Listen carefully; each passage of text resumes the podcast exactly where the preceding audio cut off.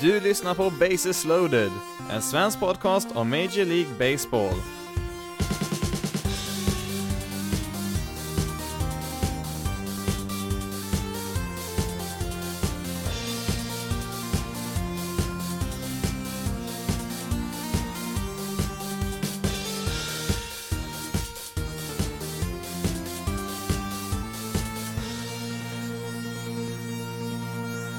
Hej och välkommen till veckans avsnitt av Bases loaded, en svensk podcast om Major League Baseball. I det här avsnittet så blir det lite nyheter om bland annat eh, lite nya prospects som har fått gjort eh, debut den här veckan. Det blir även lite grann om Carter Stewart som har valt att eh, spela i Japan istället för att vara med i draften som är här till veckan. Och ja, på tal om just draften så ska vi kolla lite närmare på några fler spelare som kommer att gå ganska tidigt i den draften där och sen så blir det som vanligt lite tv-tider också. Men vi börjar med just eh, Carty Stewart som har skrivit på ett eh, sexårskontrakt värt 7 miljoner dollar med Fukuoka Softbank Hawks i Japan.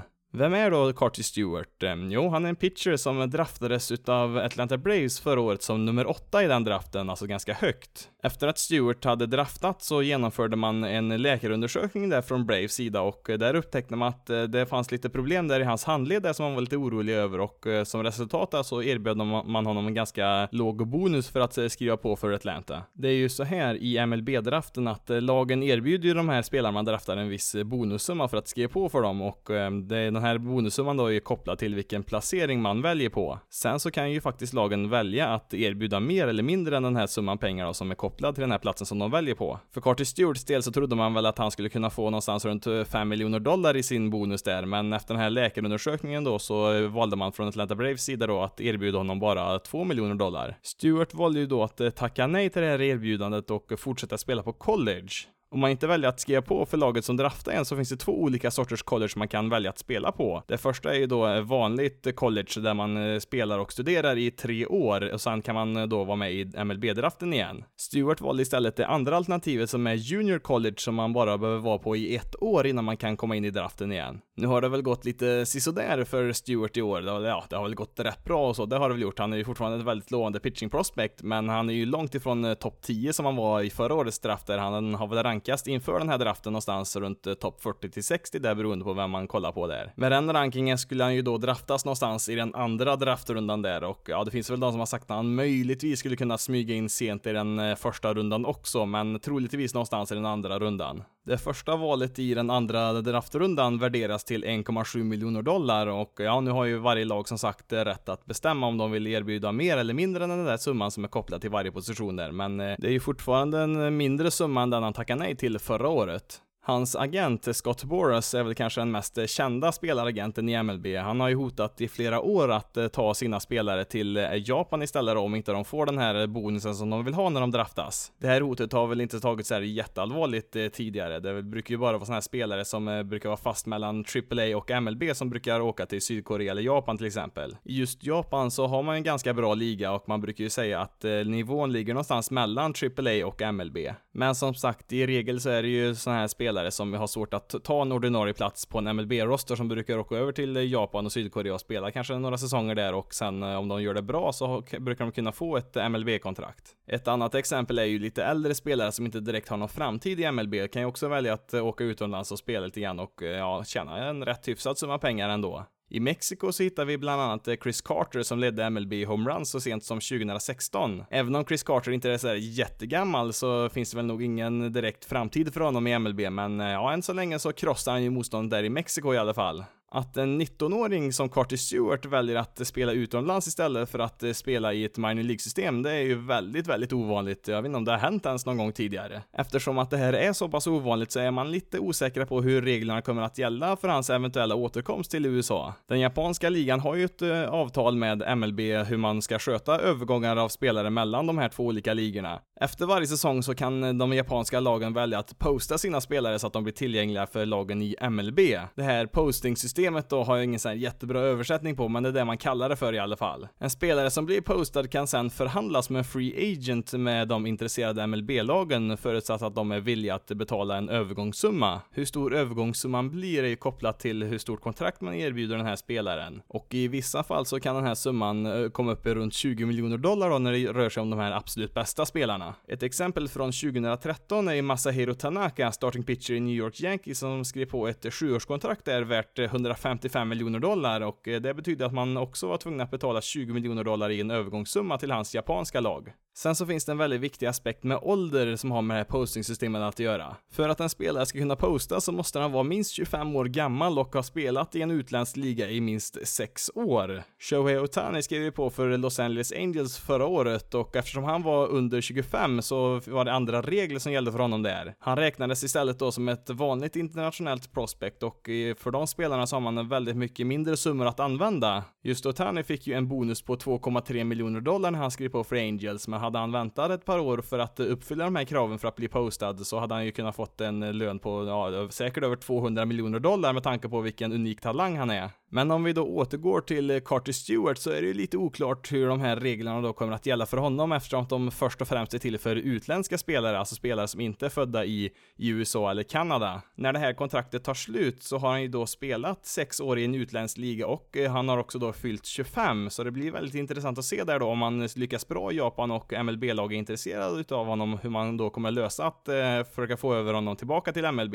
Det kanske mest intressanta är ju om det här är en bra finansiell affär för Carter Stewart Stewart eller inte att åka till Japan istället för att eh, spela i ett minor League-system. Jag såg någon beräkning på hur mycket han skulle kunna tänkas tjäna om han istället valde att eh, stanna i USA de här, eh, de här sex åren som han har kontrakt i Japan nu. Och eh, där kommer man väl fram till att eh, om man lägger ihop den bonusen han får när han draftas, hans eh, lön som en minor League-spelare och eh, lön som Eh, en rookie i MLB så kommer han kanske komma upp någonstans runt 4 miljoner dollar under 6 år. Eftersom att han är så pass ung så skulle det säkert dröja ett antal år innan han skulle komma upp på en MLB-roster och ja, så länge man är i en minor League-lag så tjänar man i stort sett ingenting. Och när man väl kommer upp i MLB så tjänar man ju en minimilön på runt 500 000 dollar per säsong där de första åren. Med andra ord så verkar det här vara en ganska bra affär för Carter Stewarts del. Framförallt då om man är väldigt framgångsrik i Japan och det finns stort intresse från MLB så har han ju han chansen att eh, få fram som med free agent med MLB-lagen när han är 25-26 år kanske och eh, ja, då kan han ju få en väldigt stor summa pengar där utan att eh, behöva sätta sin fot i ett minor League-system där i MLB. Frågan är ju då hur MLB kommer att reagera på detta, om man kommer att fortsätta på samma sätt som tidigare eller om man kommer att göra några förändringar i draften, för nu har man ju då två spelare från samma draft som har valt att eh, inte skriva på för sitt eh, MLB-lag och istället valt att spela i en helt annan liga. Den andra spelaren var ju då Kyler Murray som också draftades tidigt i förra årets draft och Eh, ja, han valde ju istället för att spela med Oakland att eh, satsa på amerikansk fotboll och han gick ju som nummer ett i NFL-draften här nu som var ganska nyligen här. Om vi då jämför draften i MLB och NFL så är det ju så att första valet i MLB har ju ett värde på 8,5 miljoner dollar. Sen så kan man ju då som sagt erbjuda mer än den summan, men eh, det finns ju en gräns på hur mycket pengar man får spendera. I årets draft så är det Arizona som har mest eh, pengar att spendera. De har totalt 16 miljoner dollar att eh, ge till sina draftval och ja, tekniskt sett skulle de väl kunna ge alla 16 miljoner dollar till en och samma spelare, men det, det skulle man ju inte göra eftersom man vill drafta mer än en spelare givetvis. Jämför vi då med första första valet i NFL-draften så fick ju Kyler Murray ett eh, fyraårskontrakt visserligen, men det var ju värt eh, 35 miljoner dollar där för honom, så att det är en enorm skillnad där på första valet mellan ligorna. Om vi sen jämför med basketen där i USA i NBA så eh, får ju första valet en eh, årslön på 8 miljoner dollar de första åren han spelar där, så att det är också en större summa. Till och med i NHL som är en betydligt mindre eh, liga rent finansiellt jämfört med MLB så fick ju Rasmus Dahlin en, ett, ett treårskontrakt värt 11 miljoner dollar när han valdes som nummer ett. Så det blir ju lite intressant att se om MLB kommer att eh, förändra någonting med draften för att förhindra spelare från att eh, ja, antingen byta sport då, som Kyler Murray eller som Carter Stewart och flytta till ett annat land och spela. Sen så är det ju faktiskt så här också att eh, draften i MLB är ju väldigt osäker jämfört med de andra drafterna då i de här andra ligorna, det måste man ju tillägga. Om vi kollar på spelare som draftades i första rundan mellan 2010 och 2014, alltså spelare som haft minst fyra hela år på sig att ta sig igenom ett minor League-system upp till MLB, så har ungefär en fjärdedel av de spelarna inte spelat en enda match i MLB ännu. Av de spelarna som gick i första rundan 2015 så har bara drygt hälften gjort sin MLB-debut än så länge. Visst kommer de här siffrorna att eh, förändra sig lite grann under de närmaste åren här eftersom att det tar lite längre tid för en del spelare att ta sig upp till MLB. Men eh, i vilket fall som helst så är det ganska många spelare rent procentuellt sett som aldrig tar sig upp till MLB trots att de draftas eh, väldigt högt i MLB-draften. Därför är det ju lite mer riskabelt att ge sådana här stora summor pengar till spelare som kommer kräva flera år av utveckling innan de eventuellt är redo för att spela i MLB. Vi stannar kvar en liten stund i Japan för Koji Uehara har bestämt sig för att pensionera sig. Han erbjöds ju faktiskt ett eh, kontrakt utav Angels redan 1998, men han valde att eh, stanna kvar i Japan och han skulle göra det i nästan ett årtionde innan han väl kom till MLB. Han gjorde sin eh, proffsdebut ett år senare där i Japan och han startade 25 matcher det året och ja, 12 utav dem kastade han ju alla nio innings där. Och han vann väl alla möjliga priser där och blev väl ganska snart en ganska stor profil där i den japanska ligan. 2002 så var han del utav ett All-Star-lag från den japanska ligan som tog sig an ett All-Star-lag från MLB och ja, utav alla spelare det så strikade han ut Barry Bonds tre gånger om. Det här var ju den perioden när Barry Bonds var som allra, allra mest dominant. Men det skulle ändå dröja till 2009 innan han gjorde sin MLB-debut som 33-åring för Baltimore Orioles. En del skadebekymmer gjorde att han bara kunde starta 12 matcher den säsongen, men när han kom tillbaka sen till nästa säsong där så sadlade han ju om till en reliever och det var ju där han fann sin stora roll i MLB. Uehara hade ju en ERA under tre, sex år i rad som reliever där och eh, ja, 2013 var väl hans bästa säsong där när han vann en World Series-titel med Red Sox. Han hade ju en ERA strax över ett den säsongen. Det var ju för övrigt just Uehara som fick den sista outen där i den avgörande World Series-matchen där när han strikade ut Cardinals Matt Carpenter. Han är ju numera 44 år gammal så att det var väl inte jätteoväntat att han skulle gå i pension här. Han är väl ingen Hall of Famer, han, eh, visst han spelar ju en nio säsonger i MLB och han var ju stundtals väldigt, väldigt bra men eh, ja, det, det är inte tillräckligt för att eh, komma upp i de nivåerna som han krävs för att komma in i Hall of Fame. Hade han skrivit på för Angels där i slutet av 90-talet så vet man väl aldrig vad som hade kunnat hända men eh, ja, vi säger väl helt enkelt tack och adjö då till Koji Uehara. Vi går vidare med lite skadeuppdateringar och vi börjar med just Los Angeles Angels. Det är nämligen så att deras shortstop Andrelton Simmons har stukat foten och gjort det ganska rejält. Eh, man brukar ju gradera olika sådana här sträckningar på kroppen från 1 till 3 och eh, då har man ju satt en trea då, en tredje graden som är den värsta här och eh, ja, det finns en risk att han kan bli borta 8 till 12 veckor i värsta fall här. Simmons är väl kanske ligans absolut bästa försvarsspelare, är ju väldigt rolig att se på när han spelar, är helt fantastiskt där ute som shortstop, men ja, nu blir han ju borta borta en, en, längre period här och mm, ja, Angels behöver ju alla sina starters eh, för att man har ju inte speciellt eh, bra, bra bredd i truppen där. Man har en hel del bra starters, men eh, ska man börja bli av med spelare så är det ganska tunt där bakom. Nu lär man väl inte kunna rå på Astros där i toppen av divisionen, men man vill väl kunna vara med i wildcard-racet i alla fall där. Man är väl en 4-5 matcher bakom i nuläget, så att det är väl inte helt omöjligt. Sen tidigare så är ju även Justin Upton skadad. Han har ju inte spelat någonting alls i år och mm, ja, när han kommer tillbaka där i mitten av deras lineup så lär man väl få lite lyft offensivt offensivt där i alla fall. Men eh, ja, nu får man ju ett defensivt avbräck istället här med Simmons. Som vanligt när vi pratar skador så kan vi ju inte undvika att prata om Yankees för de har varit igång här nu igen. Giancarlo Stanton som redan har varit på deras injury list med två olika skador. Han skadade ju först sin biceps där och sen så skadade han ju även sin axel där under sin rehabträning. Nu har han ju blivit skadad en gång till. Han var ju väldigt nära att komma tillbaka här nu eftersom han har börjat spela lite rehabmatcher där i minor leagues, men nu var det något i vaden där som högg till och man trodde väl att det berodde på att han blev träffad där utav en boll under batting practice och får ju tydligen då inte spela någonting den närmaste veckan i alla fall. Även deras starting pitcher, CC Sabathia, placerades på deras injured list med en inflammation i knät. Lät väl inte så jätteallvarligt, man har ju haft en del besvär med sina knän här nu på sistone. Han fick ju operera dem inför den här säsongen och missade ju inledningen på säsongen tack vare det. Men man klarade sig nog ganska bra ändå. Man har ju trots alla skador kopplat greppet nu om första platsen där i American League East.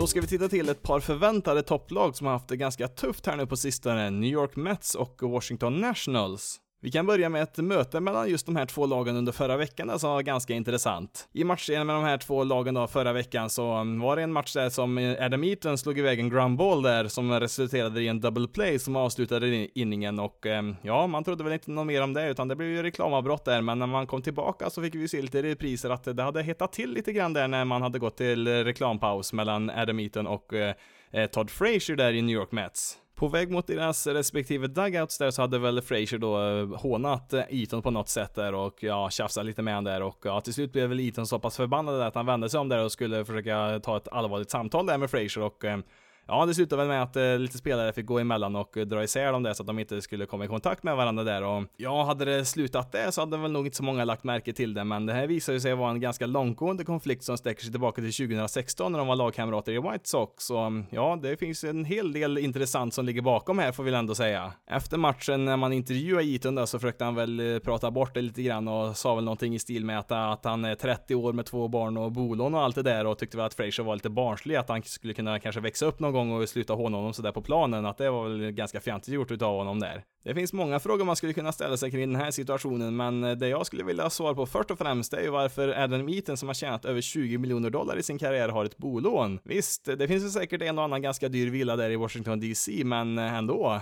Även Todd Frazier var inne på lite samma spår där när man bad honom om en kommentar där och eh, ja, han gav ju lite finansiella tips där till Eton och tyckte att han borde betala av sitt lån där och eh, ja, nu kom det fram sen då att Eton inte hade något lån där utan det var väl mer ett uttryck han använde där och eh, ja, de fortsatte väl sen där att eh, kalla varandra barnsliga och eh, försöka visa hur vuxna och mogna de själva var där i intervjuer med pressen där. Men det tog inte slut där för att i samband med det här så kom det ut rapporter där om att de här två har ju varit på varandra ända sedan 2016 då, när de spelade i Chicago White Sox tillsammans och eh, ja, de rök ihop med varandra ganska rejält där i omklädningsrummet eh, under den säsongen och det slutade med att Eton flyttade sin eh, plats i omklädningsrummet så långt bort han kunde där från Frazier. Sen så kom det även ut rapporter om att Eton hade ju varit i konflikt med flera andra spelare också under just den där säsongen. 2016 var ju för övrigt ett väldigt turbulent år för Chicago White Sox. Det började ju redan i spring training där när Adam LaRoche pensionerade sig innan säsongen ens börjat då och han hade ju fått lite kritik där och blivit tillsagd att hans 14-åriga son skulle få spendera lite mindre tid där i deras clubhouse och eh, ja, Adam LaRoche valde ju då att eh, pensionera sig hellre än att gå med på det här och eh, ja, det blev ett himla liv där bland,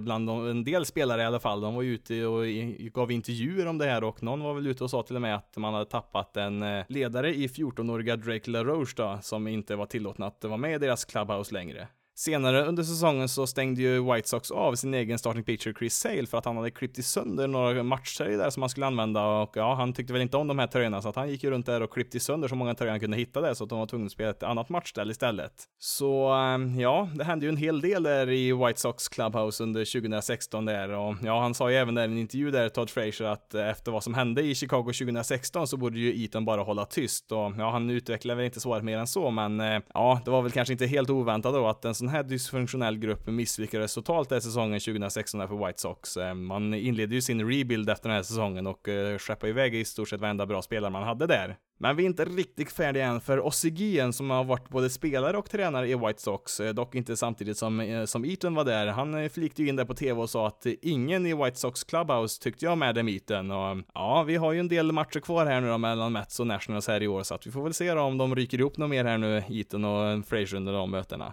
Men om vi kollar lite mer allmänt på de här två lagen då, om vi börjar med Mets, så ja, det har ju sett lite sådär ut i, i år. Det är ingen katastrof än för Mets i alla fall. De har ju vunnit 25, förlorat 26, det är väl en fem matcher bakom Philadelphia där i, i toppen av divisionen, så att eh, det är som sagt ingen katastrof, men det har ju stormat en hel del kring eh, Mets organisation här nu på sistone. Veckans kanske mest eh, underliga händelse var ju när man kom ut i en eh, presskonferens där och meddelade att eh, UNS Cesperes, Cespedes, deras outfielder som inte har spelat någonting i år, hade brutit fotleden.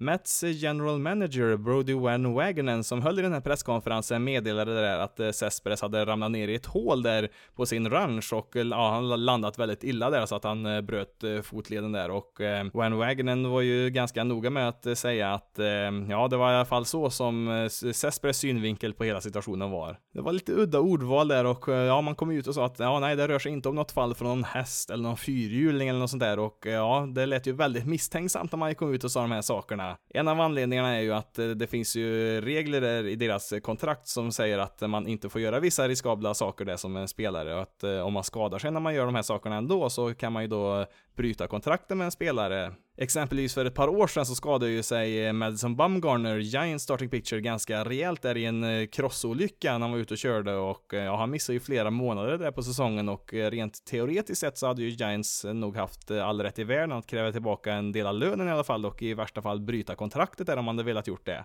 Nu hade ju Bumgarner ett så pass billigt kontrakt att man inte ville bryta det kontraktet i vilket fall som helst, men eh, kollar vi på Cesperes då som har ett eh, fyraårskontrakt värt 110 miljoner dollar då, så ehm, ja, då blir det lite mer intressant. Kontraktet tar ju slut eh, nästa år där och han har ju 29,5 miljoner dollar kvar där under 2020 som han ska betala ut, men eh, om man då skulle hitta att eh, nej, han gjorde något han inte var tillåten att göra det så har ju Mets faktiskt eh, rätt att bryta kontraktet om han bröt mot reglerna där i. Cesperes har ju visserligen varit väldigt, väldigt bra när han väl varit fri frisk, men under 2017-2018 så har han ju sammanlagt bara spelat 119 matcher och i år då så blir det ju inga matcher alls. Han opererar ju sina båda hälar inför den här säsongen och det fanns väl en liten chans att han skulle kunna komma tillbaka och spela lite i slutet av den här säsongen, men i och med den här nya skadan då så är ju säsongen helt eh, körd för honom. Sen så har vi ju då Robinson Cano som man värvade till sig inför den här säsongen från Seattle Mariners. Och ja, han har fått lite kritik här nu på sistone att han inte sprungit fullt ut när han slår iväg ground balls där till första bas. Ett väldigt tydligt exempel som han fick eh, mycket kritik för, det var en här ganska nyligen, han fick iväg någon halvträff på bollen där som höll på att rulla foul där, men eh, motståndarens catcher var lite rapp där och eh, plockade ju upp bollen innan han rullade över linjen där och kastade iväg bollen till andra bas där så han kunde sätta igång en double play där. Samtidigt så stod ju Cano kvar där vid hemplattan och diskuterade med domaren och tyckte att bollen hade rullat över linjen där, men ja, det hade han ju inte gjort där och ja, man fick ju som sagt en double play där medan han stod kvar där och tjafsade istället för att springa till första bas. Det här är väl kanske ingen ny kritik så mot, eh, mot Cano, utan det här är väl något som kommit upp flera gånger under hans karriär, att han kanske inte alltid springer allt vad han har. Men eh, ja, då var det ju en match här ändå ganska nyligen som han faktiskt eh, sprang eh, ganska snabbt där mot första bas där, försökte hinna före en ground ball som han hade slagit iväg och självklart så sträckte han ju låret när han gjorde det här, så att han är ju på deras injury list här nu och kommer missa ett eh, tag framöver här. Kollar vi på Canos karriär så har ju han varit väldigt skadefri. Han har ju spelat minst 150 matcher varje år sedan 2007 med undantag för förra året då när han var avstängd halva säsongen på grund av doping. Med det i åtanke så är det väl kanske inte så dumt att låta Cano ta det lite lugnt ibland och istället ta med honom i stort sett varenda match hela säsongen. Sen så har vi ju en hel del andra skador också i Mets eh, lag just nu som gör att det, det, har gått lite tyngre på sistone. Man har ju bland annat Jeff McNeil som har varit en av deras bättre spelare och även han åkt på en sträckning i låret och ja, man har ju även spelat som Brandon Nimmo, Michael Comfort har varit borta ett tag och Jed Lowry har ju inte spelat någonting alls i år så att det, eh, det finns väl lite förklaringar där också. Mets manager Mick Callaway har ju ryktats att han ska få sparken var och varannan dag här nu på sistone och ja, en, en viss del är väl att eh, han är manager i New York. Det, media där kan ju vara ganska ivriga där så fort det inte går bra. Men i nuläget så har man ju inte tänkt sparka honom i alla fall. Det sa ju Wen Wagonen på samma presskonferens där som jag nämnde tidigare där att eh, Callaway är deras eh, manager i den närmaste framtiden i alla fall. Sen vad den närmaste framtiden innebär, ja det är ju svårt att säga men eh, Ja, Van Wagonen säger att eh, även om de eh, har lite negativa resultat på sistone så är han ju väldigt positiv till lagbygget. Eh, ja, det är ju han som har byggt eh, stora delar av det här laget och han tror ju fortfarande att de ska kunna vinna den här divisionen till slut. Sen så har det ju kommit en massa kritik som vanligt mot eh, ägarna av Mets, eh, Wilpon-familjen som, ja, man skulle nog kunna göra en hel podcast bara om dem där och allt de har sysslat med där i, i Mets. Men ja, de har ju ett rykte kring sig om att de lägger, lägger sig i väldigt mycket beslut som de kanske inte riktigt förstår sig på, att de har väldigt svårt att låta folk folk som är mer insatta att driva klubben där och eh, mest eh, vara med i bakgrunden där, utan de vill ju väldigt gärna lägga sig i där och bestämma och ja, de flesta gångerna har ju inte det slutat speciellt bra. Kom ju ut en artikel där ganska nyligen som beskriver Met som en dysfunktionell eh, organisation från toppen till botten där, så att ja, det finns väl mer än ett problem i Mets organisation, men samtidigt får vi komma ihåg då att vi är ganska tidigt på säsongen fortfarande och man är ju inte så jättelångt från första platsen i divisionen heller, så att det är väl inte, man ska väl inte få panik riktigt än heller.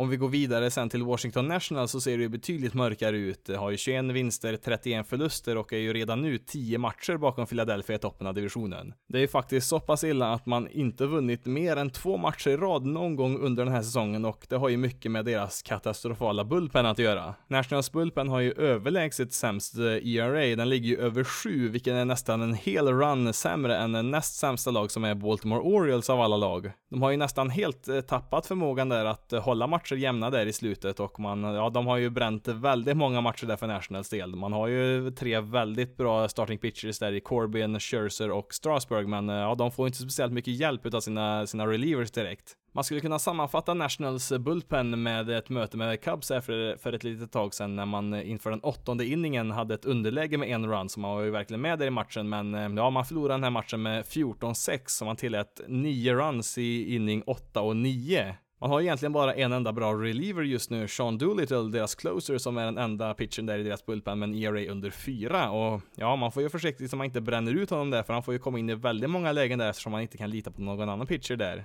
Även Nationals manager Dave Martinez har ju satts under stor press på sistone, har ju även han ryktats kunna få sparken när som helst. Främst så har han väl kritiserats för hur han sköter deras bullpen och eh, ja, det har väl inte varit perfekt, men i slutändan så finns det väl inte så mycket han kan göra heller. Det är ju inte han som kastar bollarna där. En annan kritik mot Martinez sig att man anser att en mer rutinerad manager aldrig hade tolererat eh, så många misstag som spelarna har gjort i National så här långt i år. Det har ju varit alldeles för många defensiva misstag och eh, även deras space runners har ju sprungit ganska tokigt där ibland, så att det är inte bara deras pitchers som underpresterar. Hur rättvist eller orättvist den här kritiken än är så är han ju under stor press. Eh, Nationals har ju en tradition av att eh, sparka managers ganska ofta. Ganska nyligen här så slängdes han ju ut från någon match där när han stod och skrek på någon domare där och ja, ja, han gör väl allt han kan där för att eh, tända sitt lag där men eh, ja, det är väl inte någon speciellt lätt uppgift han har just nu med den truppen som han har. Om vi istället eh, flyttar blicken mot eh, deras general manager Mike Rizzo som har byggt den här truppen så mm, ja, man undrar ju, är han helt säker på sin position där? Man, han har ju sagt att man inte ska byta manager i alla fall i nu nuläget, men eh, ja, eh, en trupp som eh, ja, är bland de bäst betalda i hela MLB just nu borde ju kunna prestera betydligt bättre än så här, så att det har ju varit ett stort misslyckande från Rizzos sida så här långt i år. När man då glider allt längre ifrån slutspelet så blir det mer och mer intressant vad man ska göra med deras tredje basman, Anthony Rendon, som blir free agent efter den här säsongen. Det börjar ju faktiskt likna situationen förra året där med Bryce Harper som man valde att inte trada bort med utgående kontrakt.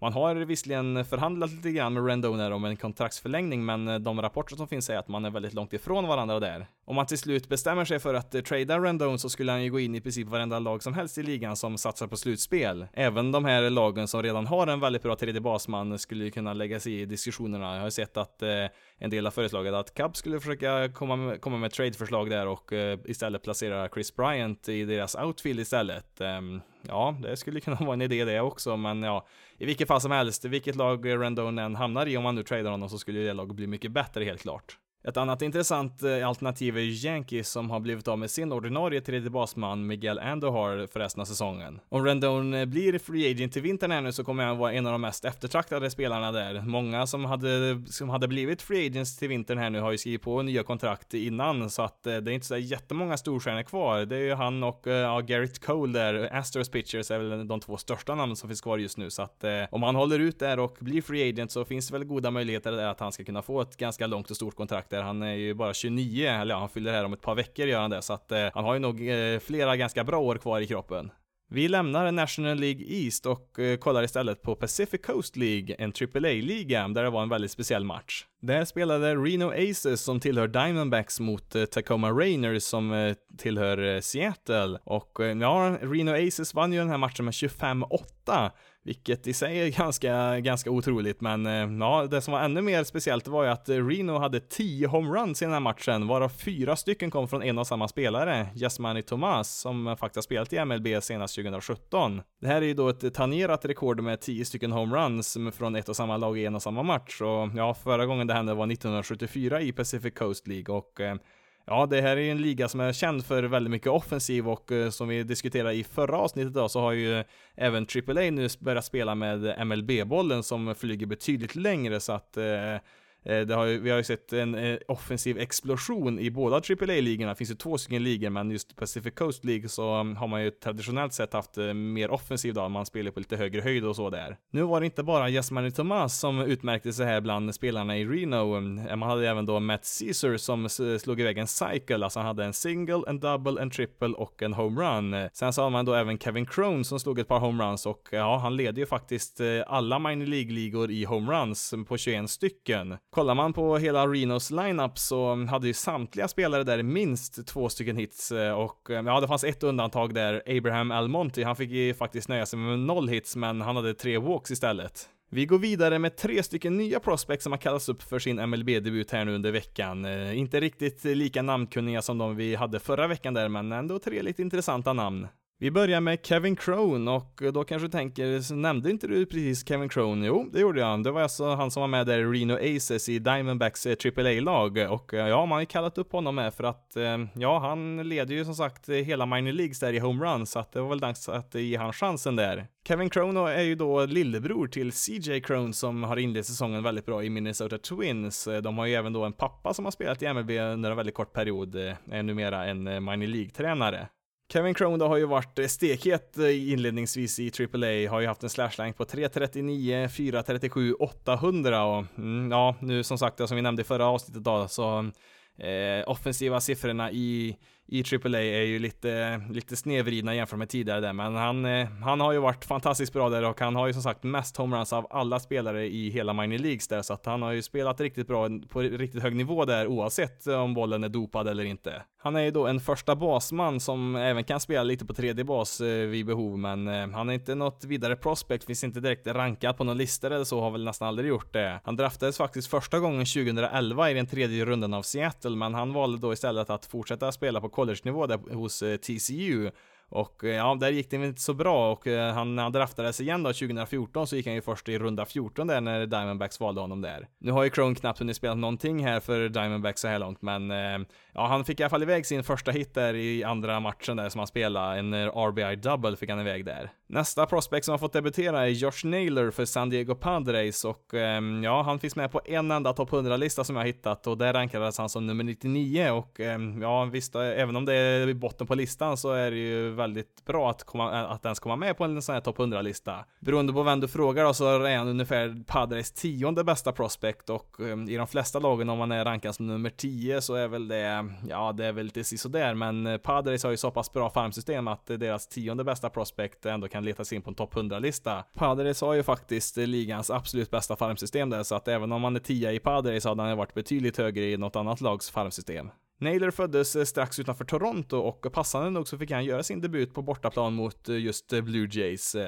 Och redan i andra matchen där så gick han 3 för 6 där, vilket är väldigt bra. Ja, Padres vann ju den här matchen med 19-4, så att det var ju väldigt många som fick slå iväg bollar där för Padres. För övrigt så satte man faktiskt ett nytt klubbrekord där för Padres i den här matchen. Man hade sju homeruns den här matchen, vilket är ett rekord för dem i en och samma match. Naylor är ju först och främst en powerhitter som kanske är lite väl stor för att springa runt som outfielder i längden, men han får väl göra det tidigt i karriären och sen på sikt då kanske spela mer första bas. Eh, Naylor draftades först utav Miami Marlins och eh, kom till San Diego via en trade 2016. Marlins skickade både honom och eh, Luis Castillo, en starting pitcher, till eh, San Diego i utbyte mot Andrew Cashner, en annan starting pitcher. En annan utav de här spelarna som San Diego skickade i den här traden till Miami skadade sig i första matchen där och ja, det blev lite kalabalik där och man beslöt att häva en del utav den här traden. Den här skadade spelaren skickades då tillbaka till San Diego och Luis Castillo Castillo då fick ju då återvända till Miami. Det här var alltså bara några dagar efter att eh, traden först hade gjorts. Så ja, sen dess har ju Luis Castillo då tradats till eh, Cincinnati Reds och är ju deras bästa starting pitcher där just nu.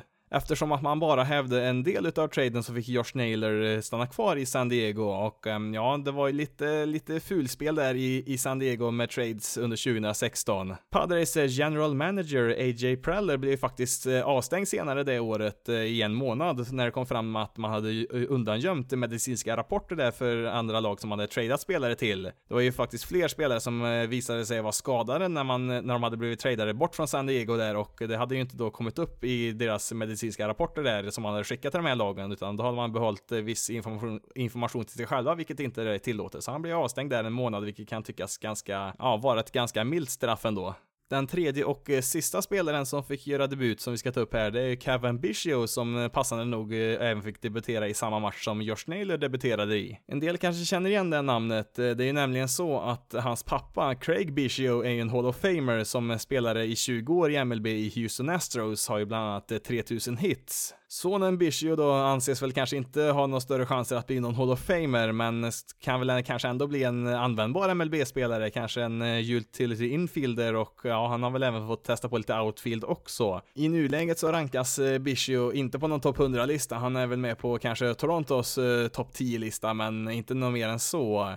Eh, spelar ju i nuläget på andra bas, men eh, det är väl lite tveksamt om han kommer att klara av den positionen i framtiden rent defensivt och har väl fått träna lite mer på första och tredje bas och eh, som sagt lite grann i outfield också, så att han kan väl bli en, lite, en liten reservspelare där kanske som får spela lite överallt. I hans debut här så fick vi se någonting för första gången i MLB-historien eftersom att Vladimir Guerrero Jr också fanns med i deras lineup där så var det första gången i MLB-historien som ett lag ställde upp med två stycken spelare vars föräldrar är Hall of Famers. Blue Jays har ju även Bo Bichette, ett infield prospect där som kanske kommer upp senare i år. Även hans pappa har ju spelat många år i MLB.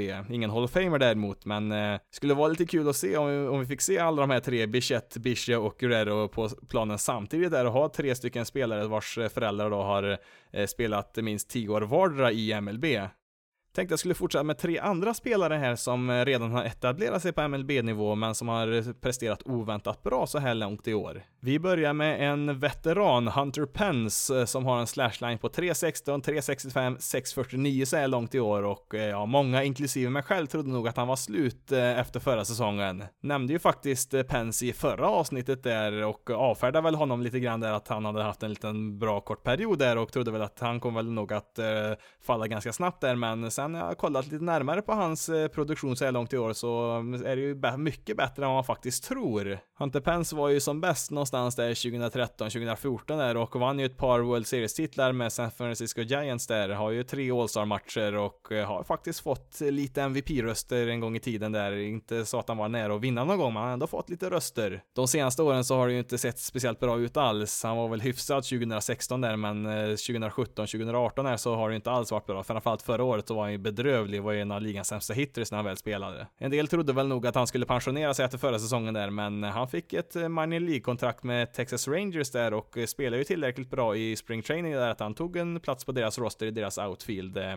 han spelade ju också i den dominikanska vinterligan här nu i vintras inför säsongen där, några matcher i alla fall där och gjorde ju helt om sin sving där, så han har ju satsat ganska hårt på att komma tillbaka den här säsongen och ja, det har ju funkat väldigt bra än så länge. Kanske fick tillbaka gnistan lite grann där när han eh, flyttade tillbaka till Dallas där, han är ju född och uppväxt runt omkring den staden där och mm, ja, det är, det är lite kul att se sådana här spelare som man trodde var helt slut eh, komma tillbaka och spela som de gjorde i sina fornstora dagar. Nästa spelare är betydligt yngre, Josh Bell, första basman i Pittsburgh Pirates, som eh, tidigare var ett väldigt högt rankat prospect, men han har väl aldrig riktigt levt upp till de förväntningarna tills nu. Bell har väl visserligen spelat helt okej okay sen sin debut 2016, men man har ju förväntat sig mer och ja, i år har vi ju fått fått mer. Han har ju framförallt hittat mycket mer styrka i år, har ju 16 homeruns att jämföra med 12 stycken förra året eh, och då har han ju bara spelat en tredjedel av de matcherna han spelade förra året. Om vi går in på hans statistik och eh, tittar på WRC+, alltså en förkortning, WRC+, en förkortning som betyder Weighted Runs Created Plus, där räknar man med allting som en spelare gör som slagman. Man eh, tar bort allt som har att göra med försvarsspel och base running och sådär, utan bara vad han gör när man står där uppe och ska slå. Och en spelare som har 100 i VRC plus rankas som en genomsnittlig slagman i MLB. En spelare som har 110 VRC plus, den är 10% bättre än genomsnittet. En spelare som har 90 VRC plus är då 10% sämre än en genomsnittlig slagman. Josh Bell ligger ju då på 183, alltså 83% bättre än en genomsnittlig genomsnittlig slagman och det finns bara två spelare i hela MLB som har högre siffror där och det är Christian Jelic och Cody Bellinger. Kan ju då tillägga att eh, just Hunter Pence eh, VRC plus ligger på 147, vilket också är väldigt, väldigt bra. Vad har Josh Bell då förändrats eh, sen tidigare? Jo, han har blivit mycket mer aggressiv och svingar mycket mer än vad han gjort förut. Han tar som resultat av färre walks och har mer strikeouts, vilket kan låta väldigt problematiskt, men det har funkat väldigt bra för Bell. Det som gjort att det har gått så bra för Bell i år framförallt är att han har börjat slå bollen mycket mer upp i luften och slår den mycket hårdare än tidigare, vilket givetvis då leder till fler homeruns, men en hårdare slag slagen boll har ju också större, större chans att eh, trilla ner för en hit eh, eh, när den inte flyger ut för en homerun. Så att eh, det har ju gett väldigt goda resultat så här långt i år. Det mesta talar ju för att eh, Bell inte kommer kunna fortsätta i den här takten som han gjort under hela säsongen. Men även om produktionen går ner något under resten av året så ser det ju ut som att 2019 blir hans stora genombrott i MLB. Bell kommer ju hamna i arbitration efter den här säsongen och det innebär att han har tre år till efter den här säsongen i, i Pirates innan han blir free agent agent och mm, ja, Pirates vill ju väldigt sällan spendera speciellt mycket pengar och mm, ja, om han fortsätter att utvecklas på den här nivån så kommer man ju inte att kunna ha kvar honom när han blir free agent så att vi får väl se då hur länge man håller kvar honom innan man tradar honom för att det finns väl nog en ganska stor risk att man gör det om man fortsätter att spela så här bra.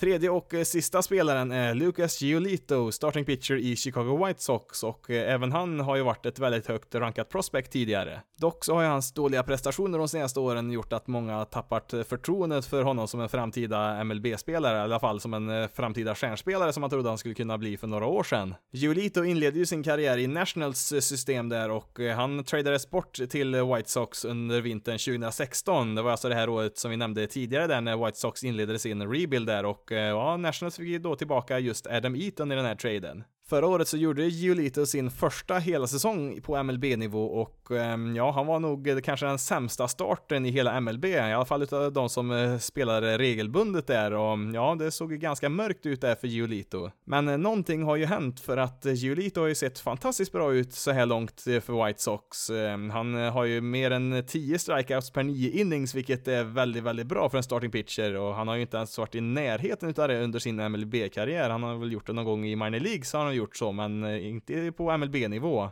Hans ERA ligger på 2,77 just nu och eh, om han eh, fortsätter att utvecklas så kan ju framtiden se ganska ljus ut i deras rotation där i White Sox. Man har ju Michael Kopek som kommer tillbaka nästa år där från Tommy John-operation och sen så har man ju Dylan Cease, eh, väldigt lovande pitcher i deras minor League-system där och ja, kommer alla de här tre upp i sin potential så har man ju en väldigt bra rotation där inför framtiden. Det har ju funnits lite frågetecken kring White Sox rebuild och man har inte riktigt har sett de resultaten som man kanske kunnat förvänta sig, men ja, sakta men säkert så verkar det kunna gå åt rätt håll. Man har ju haft en del spelare som varit lite trögstartade, men som kanske nu verkar gå åt rätt håll. I början av årtiondet så hade väl deras eh, divisionsrival Kansas City Royals ett liknande problem där. Man hade en väldigt lovande rebuild på gång där med många lovande spelare, men det tog eh, ett par extra år där innan man eh, hade ett riktigt slagkraftigt lag där och vi kanske ser något liknande här, att det kanske dröjer något år extra än vad man hade förväntat sig, men Royals fick ju sin titel där till slut och om White Sox också får det så tror jag nog man kan vänta något år extra i så fall.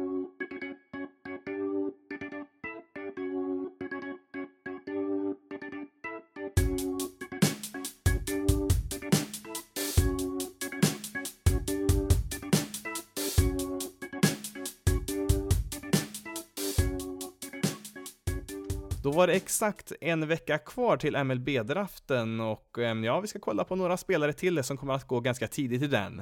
Vi börjar med en väldigt intressant spelare här i Andrew Vaughan, en 21-årig college-spelare som spelar för Cal State, eh, spelar på första bas. Eh, han rankas av de flesta som den tredje bästa spelaren i den här draftklassen, men eh, eftersom han har spelat på första bas så blir det lite mer komplicerat vart han kommer att draftas. Under optimala förhållanden så vill man väl kanske i regel att spelare inte ska börja på första bas redan så här tidigt i karriären. Det kanske är först när de kommer upp i MLB och inte hittar någon annan position för den spelaren som man kanske placerar dem där, men ja, det här är då ett ganska sällsynt sällsynt eh, topprankat prospect som då är en första basman redan eh, innan han har draftats. Med det sagt så anses ju Won utav de flesta vara den bästa slagmannen i hela den här draften. Eh, han eh, vann ju Golden Spikes Award förra året som tilldelas den bästa amatörspelaren i landet varje år. Det som gör att Devon är så pass speciell som slagman, det är att han har förmågan att slå för både styrka och för högt average. Så mm, ja, han, har, han är ganska komplett eh, som, eh, som en slagman i alla fall. I nuläget är det väldigt svårt att förutspå på vilken plats han kommer att väljas. Även om han rankas som den tredje bästa spelaren så ha, kan han i princip väljas på vilken plats som helst där i topp 10 och han skulle väl kunna hamna utanför topp 10 också. Sen är det så här att många lag som väljer tidigt där har redan en ganska välbetald spelare på första bas där och eftersom att Vaughn beräknas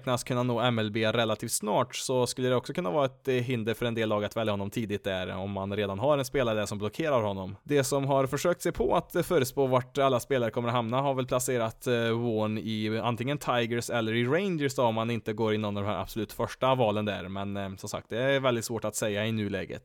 Nästa spelare är CJ Abrams, en high school shortstop som fyller 19 till hösten här, rankas fyra utav de allra flesta i den här draften.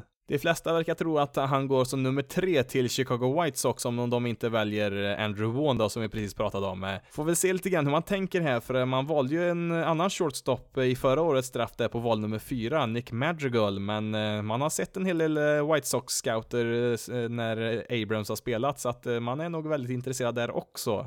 Abrams har väl en förmåga att slå för ett högt average, men hans svaghet är väl just att han är ganska svag. Han behöver ju jobba upp lite muskler där så att han kan få lite styrka där i svingen också, men det har han väl god tid att jobba på när han väl blir draftad. Hans bästa egenskaper är ju hans eh, snabbhet, har ju som base runner betygsätts eh, som en 75 eller 80, det är alltså den här scouting-skalan då som han betygsätter spelare på från 20 till 80, alltså han har ju betygsätts i, i princip så högt man kan när det gäller just base running. Har sett lite delade meningar där om man kommer klara av att eh, spela som en shortstop eh, på MLB-nivå, men eh, om man inte skulle göra det så tror man väl att han skulle klara av att spela både som en centerfielder eller som andra basman och kunna vara en ganska värdefull försvarare där istället.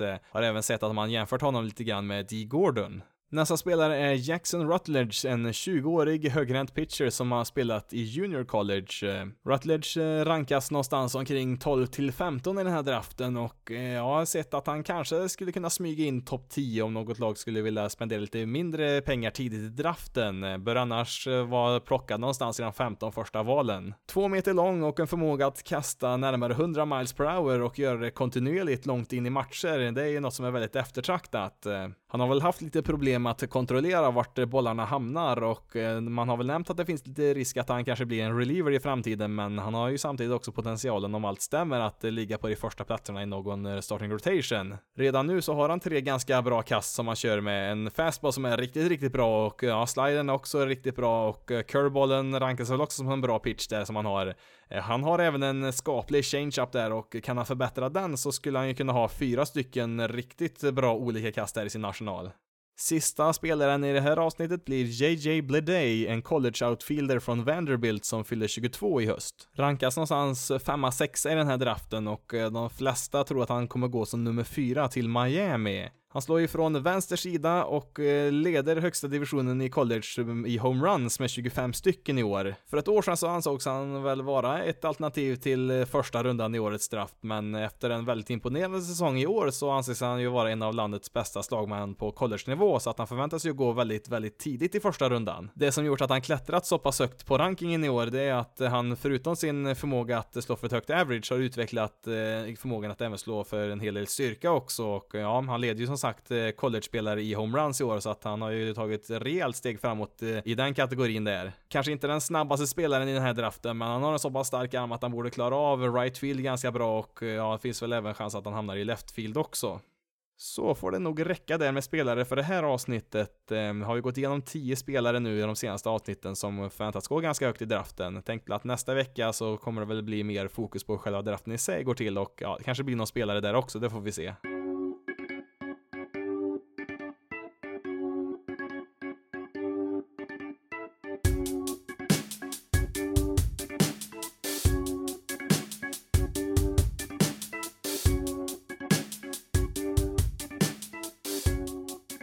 Ska vi avsluta med lite tv-tider under veckan. Som vanligt så har vi då tre ställen man kan se Major League Baseball på här i Sverige. Viaplay, TV3 Sport och MLB TV. Viaplay och TV3 Sport sänder ju vissa utvalda matcher medan MLB TV, MLBs streamingtjänst, sänder ju samtliga matcher under hela säsongen. MLB TV kostar ju visserligen pengar då, men de sänder faktiskt en match gratis varje dag som är utvald så man kan faktiskt se lite matcher där med ett gratiskonto på MLBs hemsida om man vill. Som vanligt fokuserar vi på de tidiga matcherna som sänds innan midnatt svensk tid och redan på måndag den 27 maj, samma dag som det här avsnittet släpps på, så är det ju helgdag i USA där man firar ju Memorial Day och eh, det innebär att eh, tio matcher spelar innan midnatt svensk tid. På Viaplay kan man se två matcher, Nationals mot Marlins klockan 7 och sen Red Sox mot Indians klockan 10, så man får två matcher där på måndag på Viaplay. På MLB TV kan man se gratismatchen Tigers mot Orioles klockan 7. Ett par andra intressanta möten man kan se på MLB TV, det är ju Padres mot Yankees klockan 7 och Cubs mot Astros klockan 8. Sen får vi hoppa till onsdagen den 29 maj och på Viaplay så sänder man Padres mot Yankees klockan 7. Sen eh, gratismatchen på MLB TV är Rangers mot Mariners eh, klockan halv tio. Sen om man har MLB TV så finns det ett eh, lite halvintressant möte där ändå halv sju mellan Pirates och Reds. Torsdagen den 30 maj så spelas eh, tre matcher tidigt. Eh, Viaplay sänder klockan sju Cardinals mot Phillies och eh, ja, det är väl den bästa matchen den dagen där. Det finns väl ingen tidig gratismatch tyvärr. Sen på lördag så är vi faktiskt framme vid den första juni och det spelas faktiskt sju tidiga matcher där. Man sänder på Viaplay, Twins mot Rays klockan sju och det är väl kanske det bästa mötet av de tidiga matcherna där. Det finns väl kanske Brewers mot Pirates där klockan tio om man har MLB TV också. Söndagen den 2 juni så är det faktiskt eh, två matcher som inte sänds eh, tidigt. Det brukar ju bara vara en match som sänds efter midnatt svensk tid, men den här veckan var det faktiskt eh, två av någon anledning. Det är Marlins mot Padres sänds sent och det gör även Red Sox mot Yankees.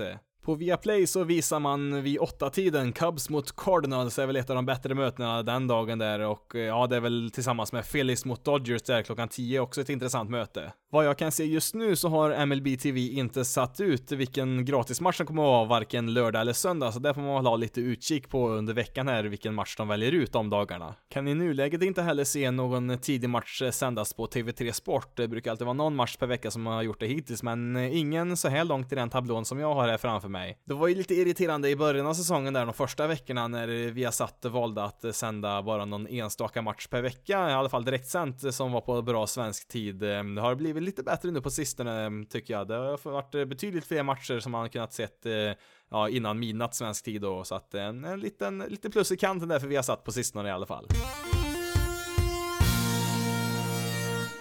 Det får räcka det för den här veckans avsnitt. Eh, du kan följa Basis Loaded på sociala medier på Facebook, Twitter och Instagram. Då letar du bara upp basisloaded.se. Du kan även mejla till basisloaded.se gmail.com om du vill ha kontakt där. Du kan även besöka hemsidan basisloaded.se för mer om MLB på svenska. Men eh, nu har jag pratat tillräckligt för idag. Mitt namn är Jonathan Fabri och jag är jättetacksam att du har valt att lyssna på det här avsnittet av Basis Loaded. Ha det bra där ute så hörs vi i nästa veckas avsnitt avsnitt.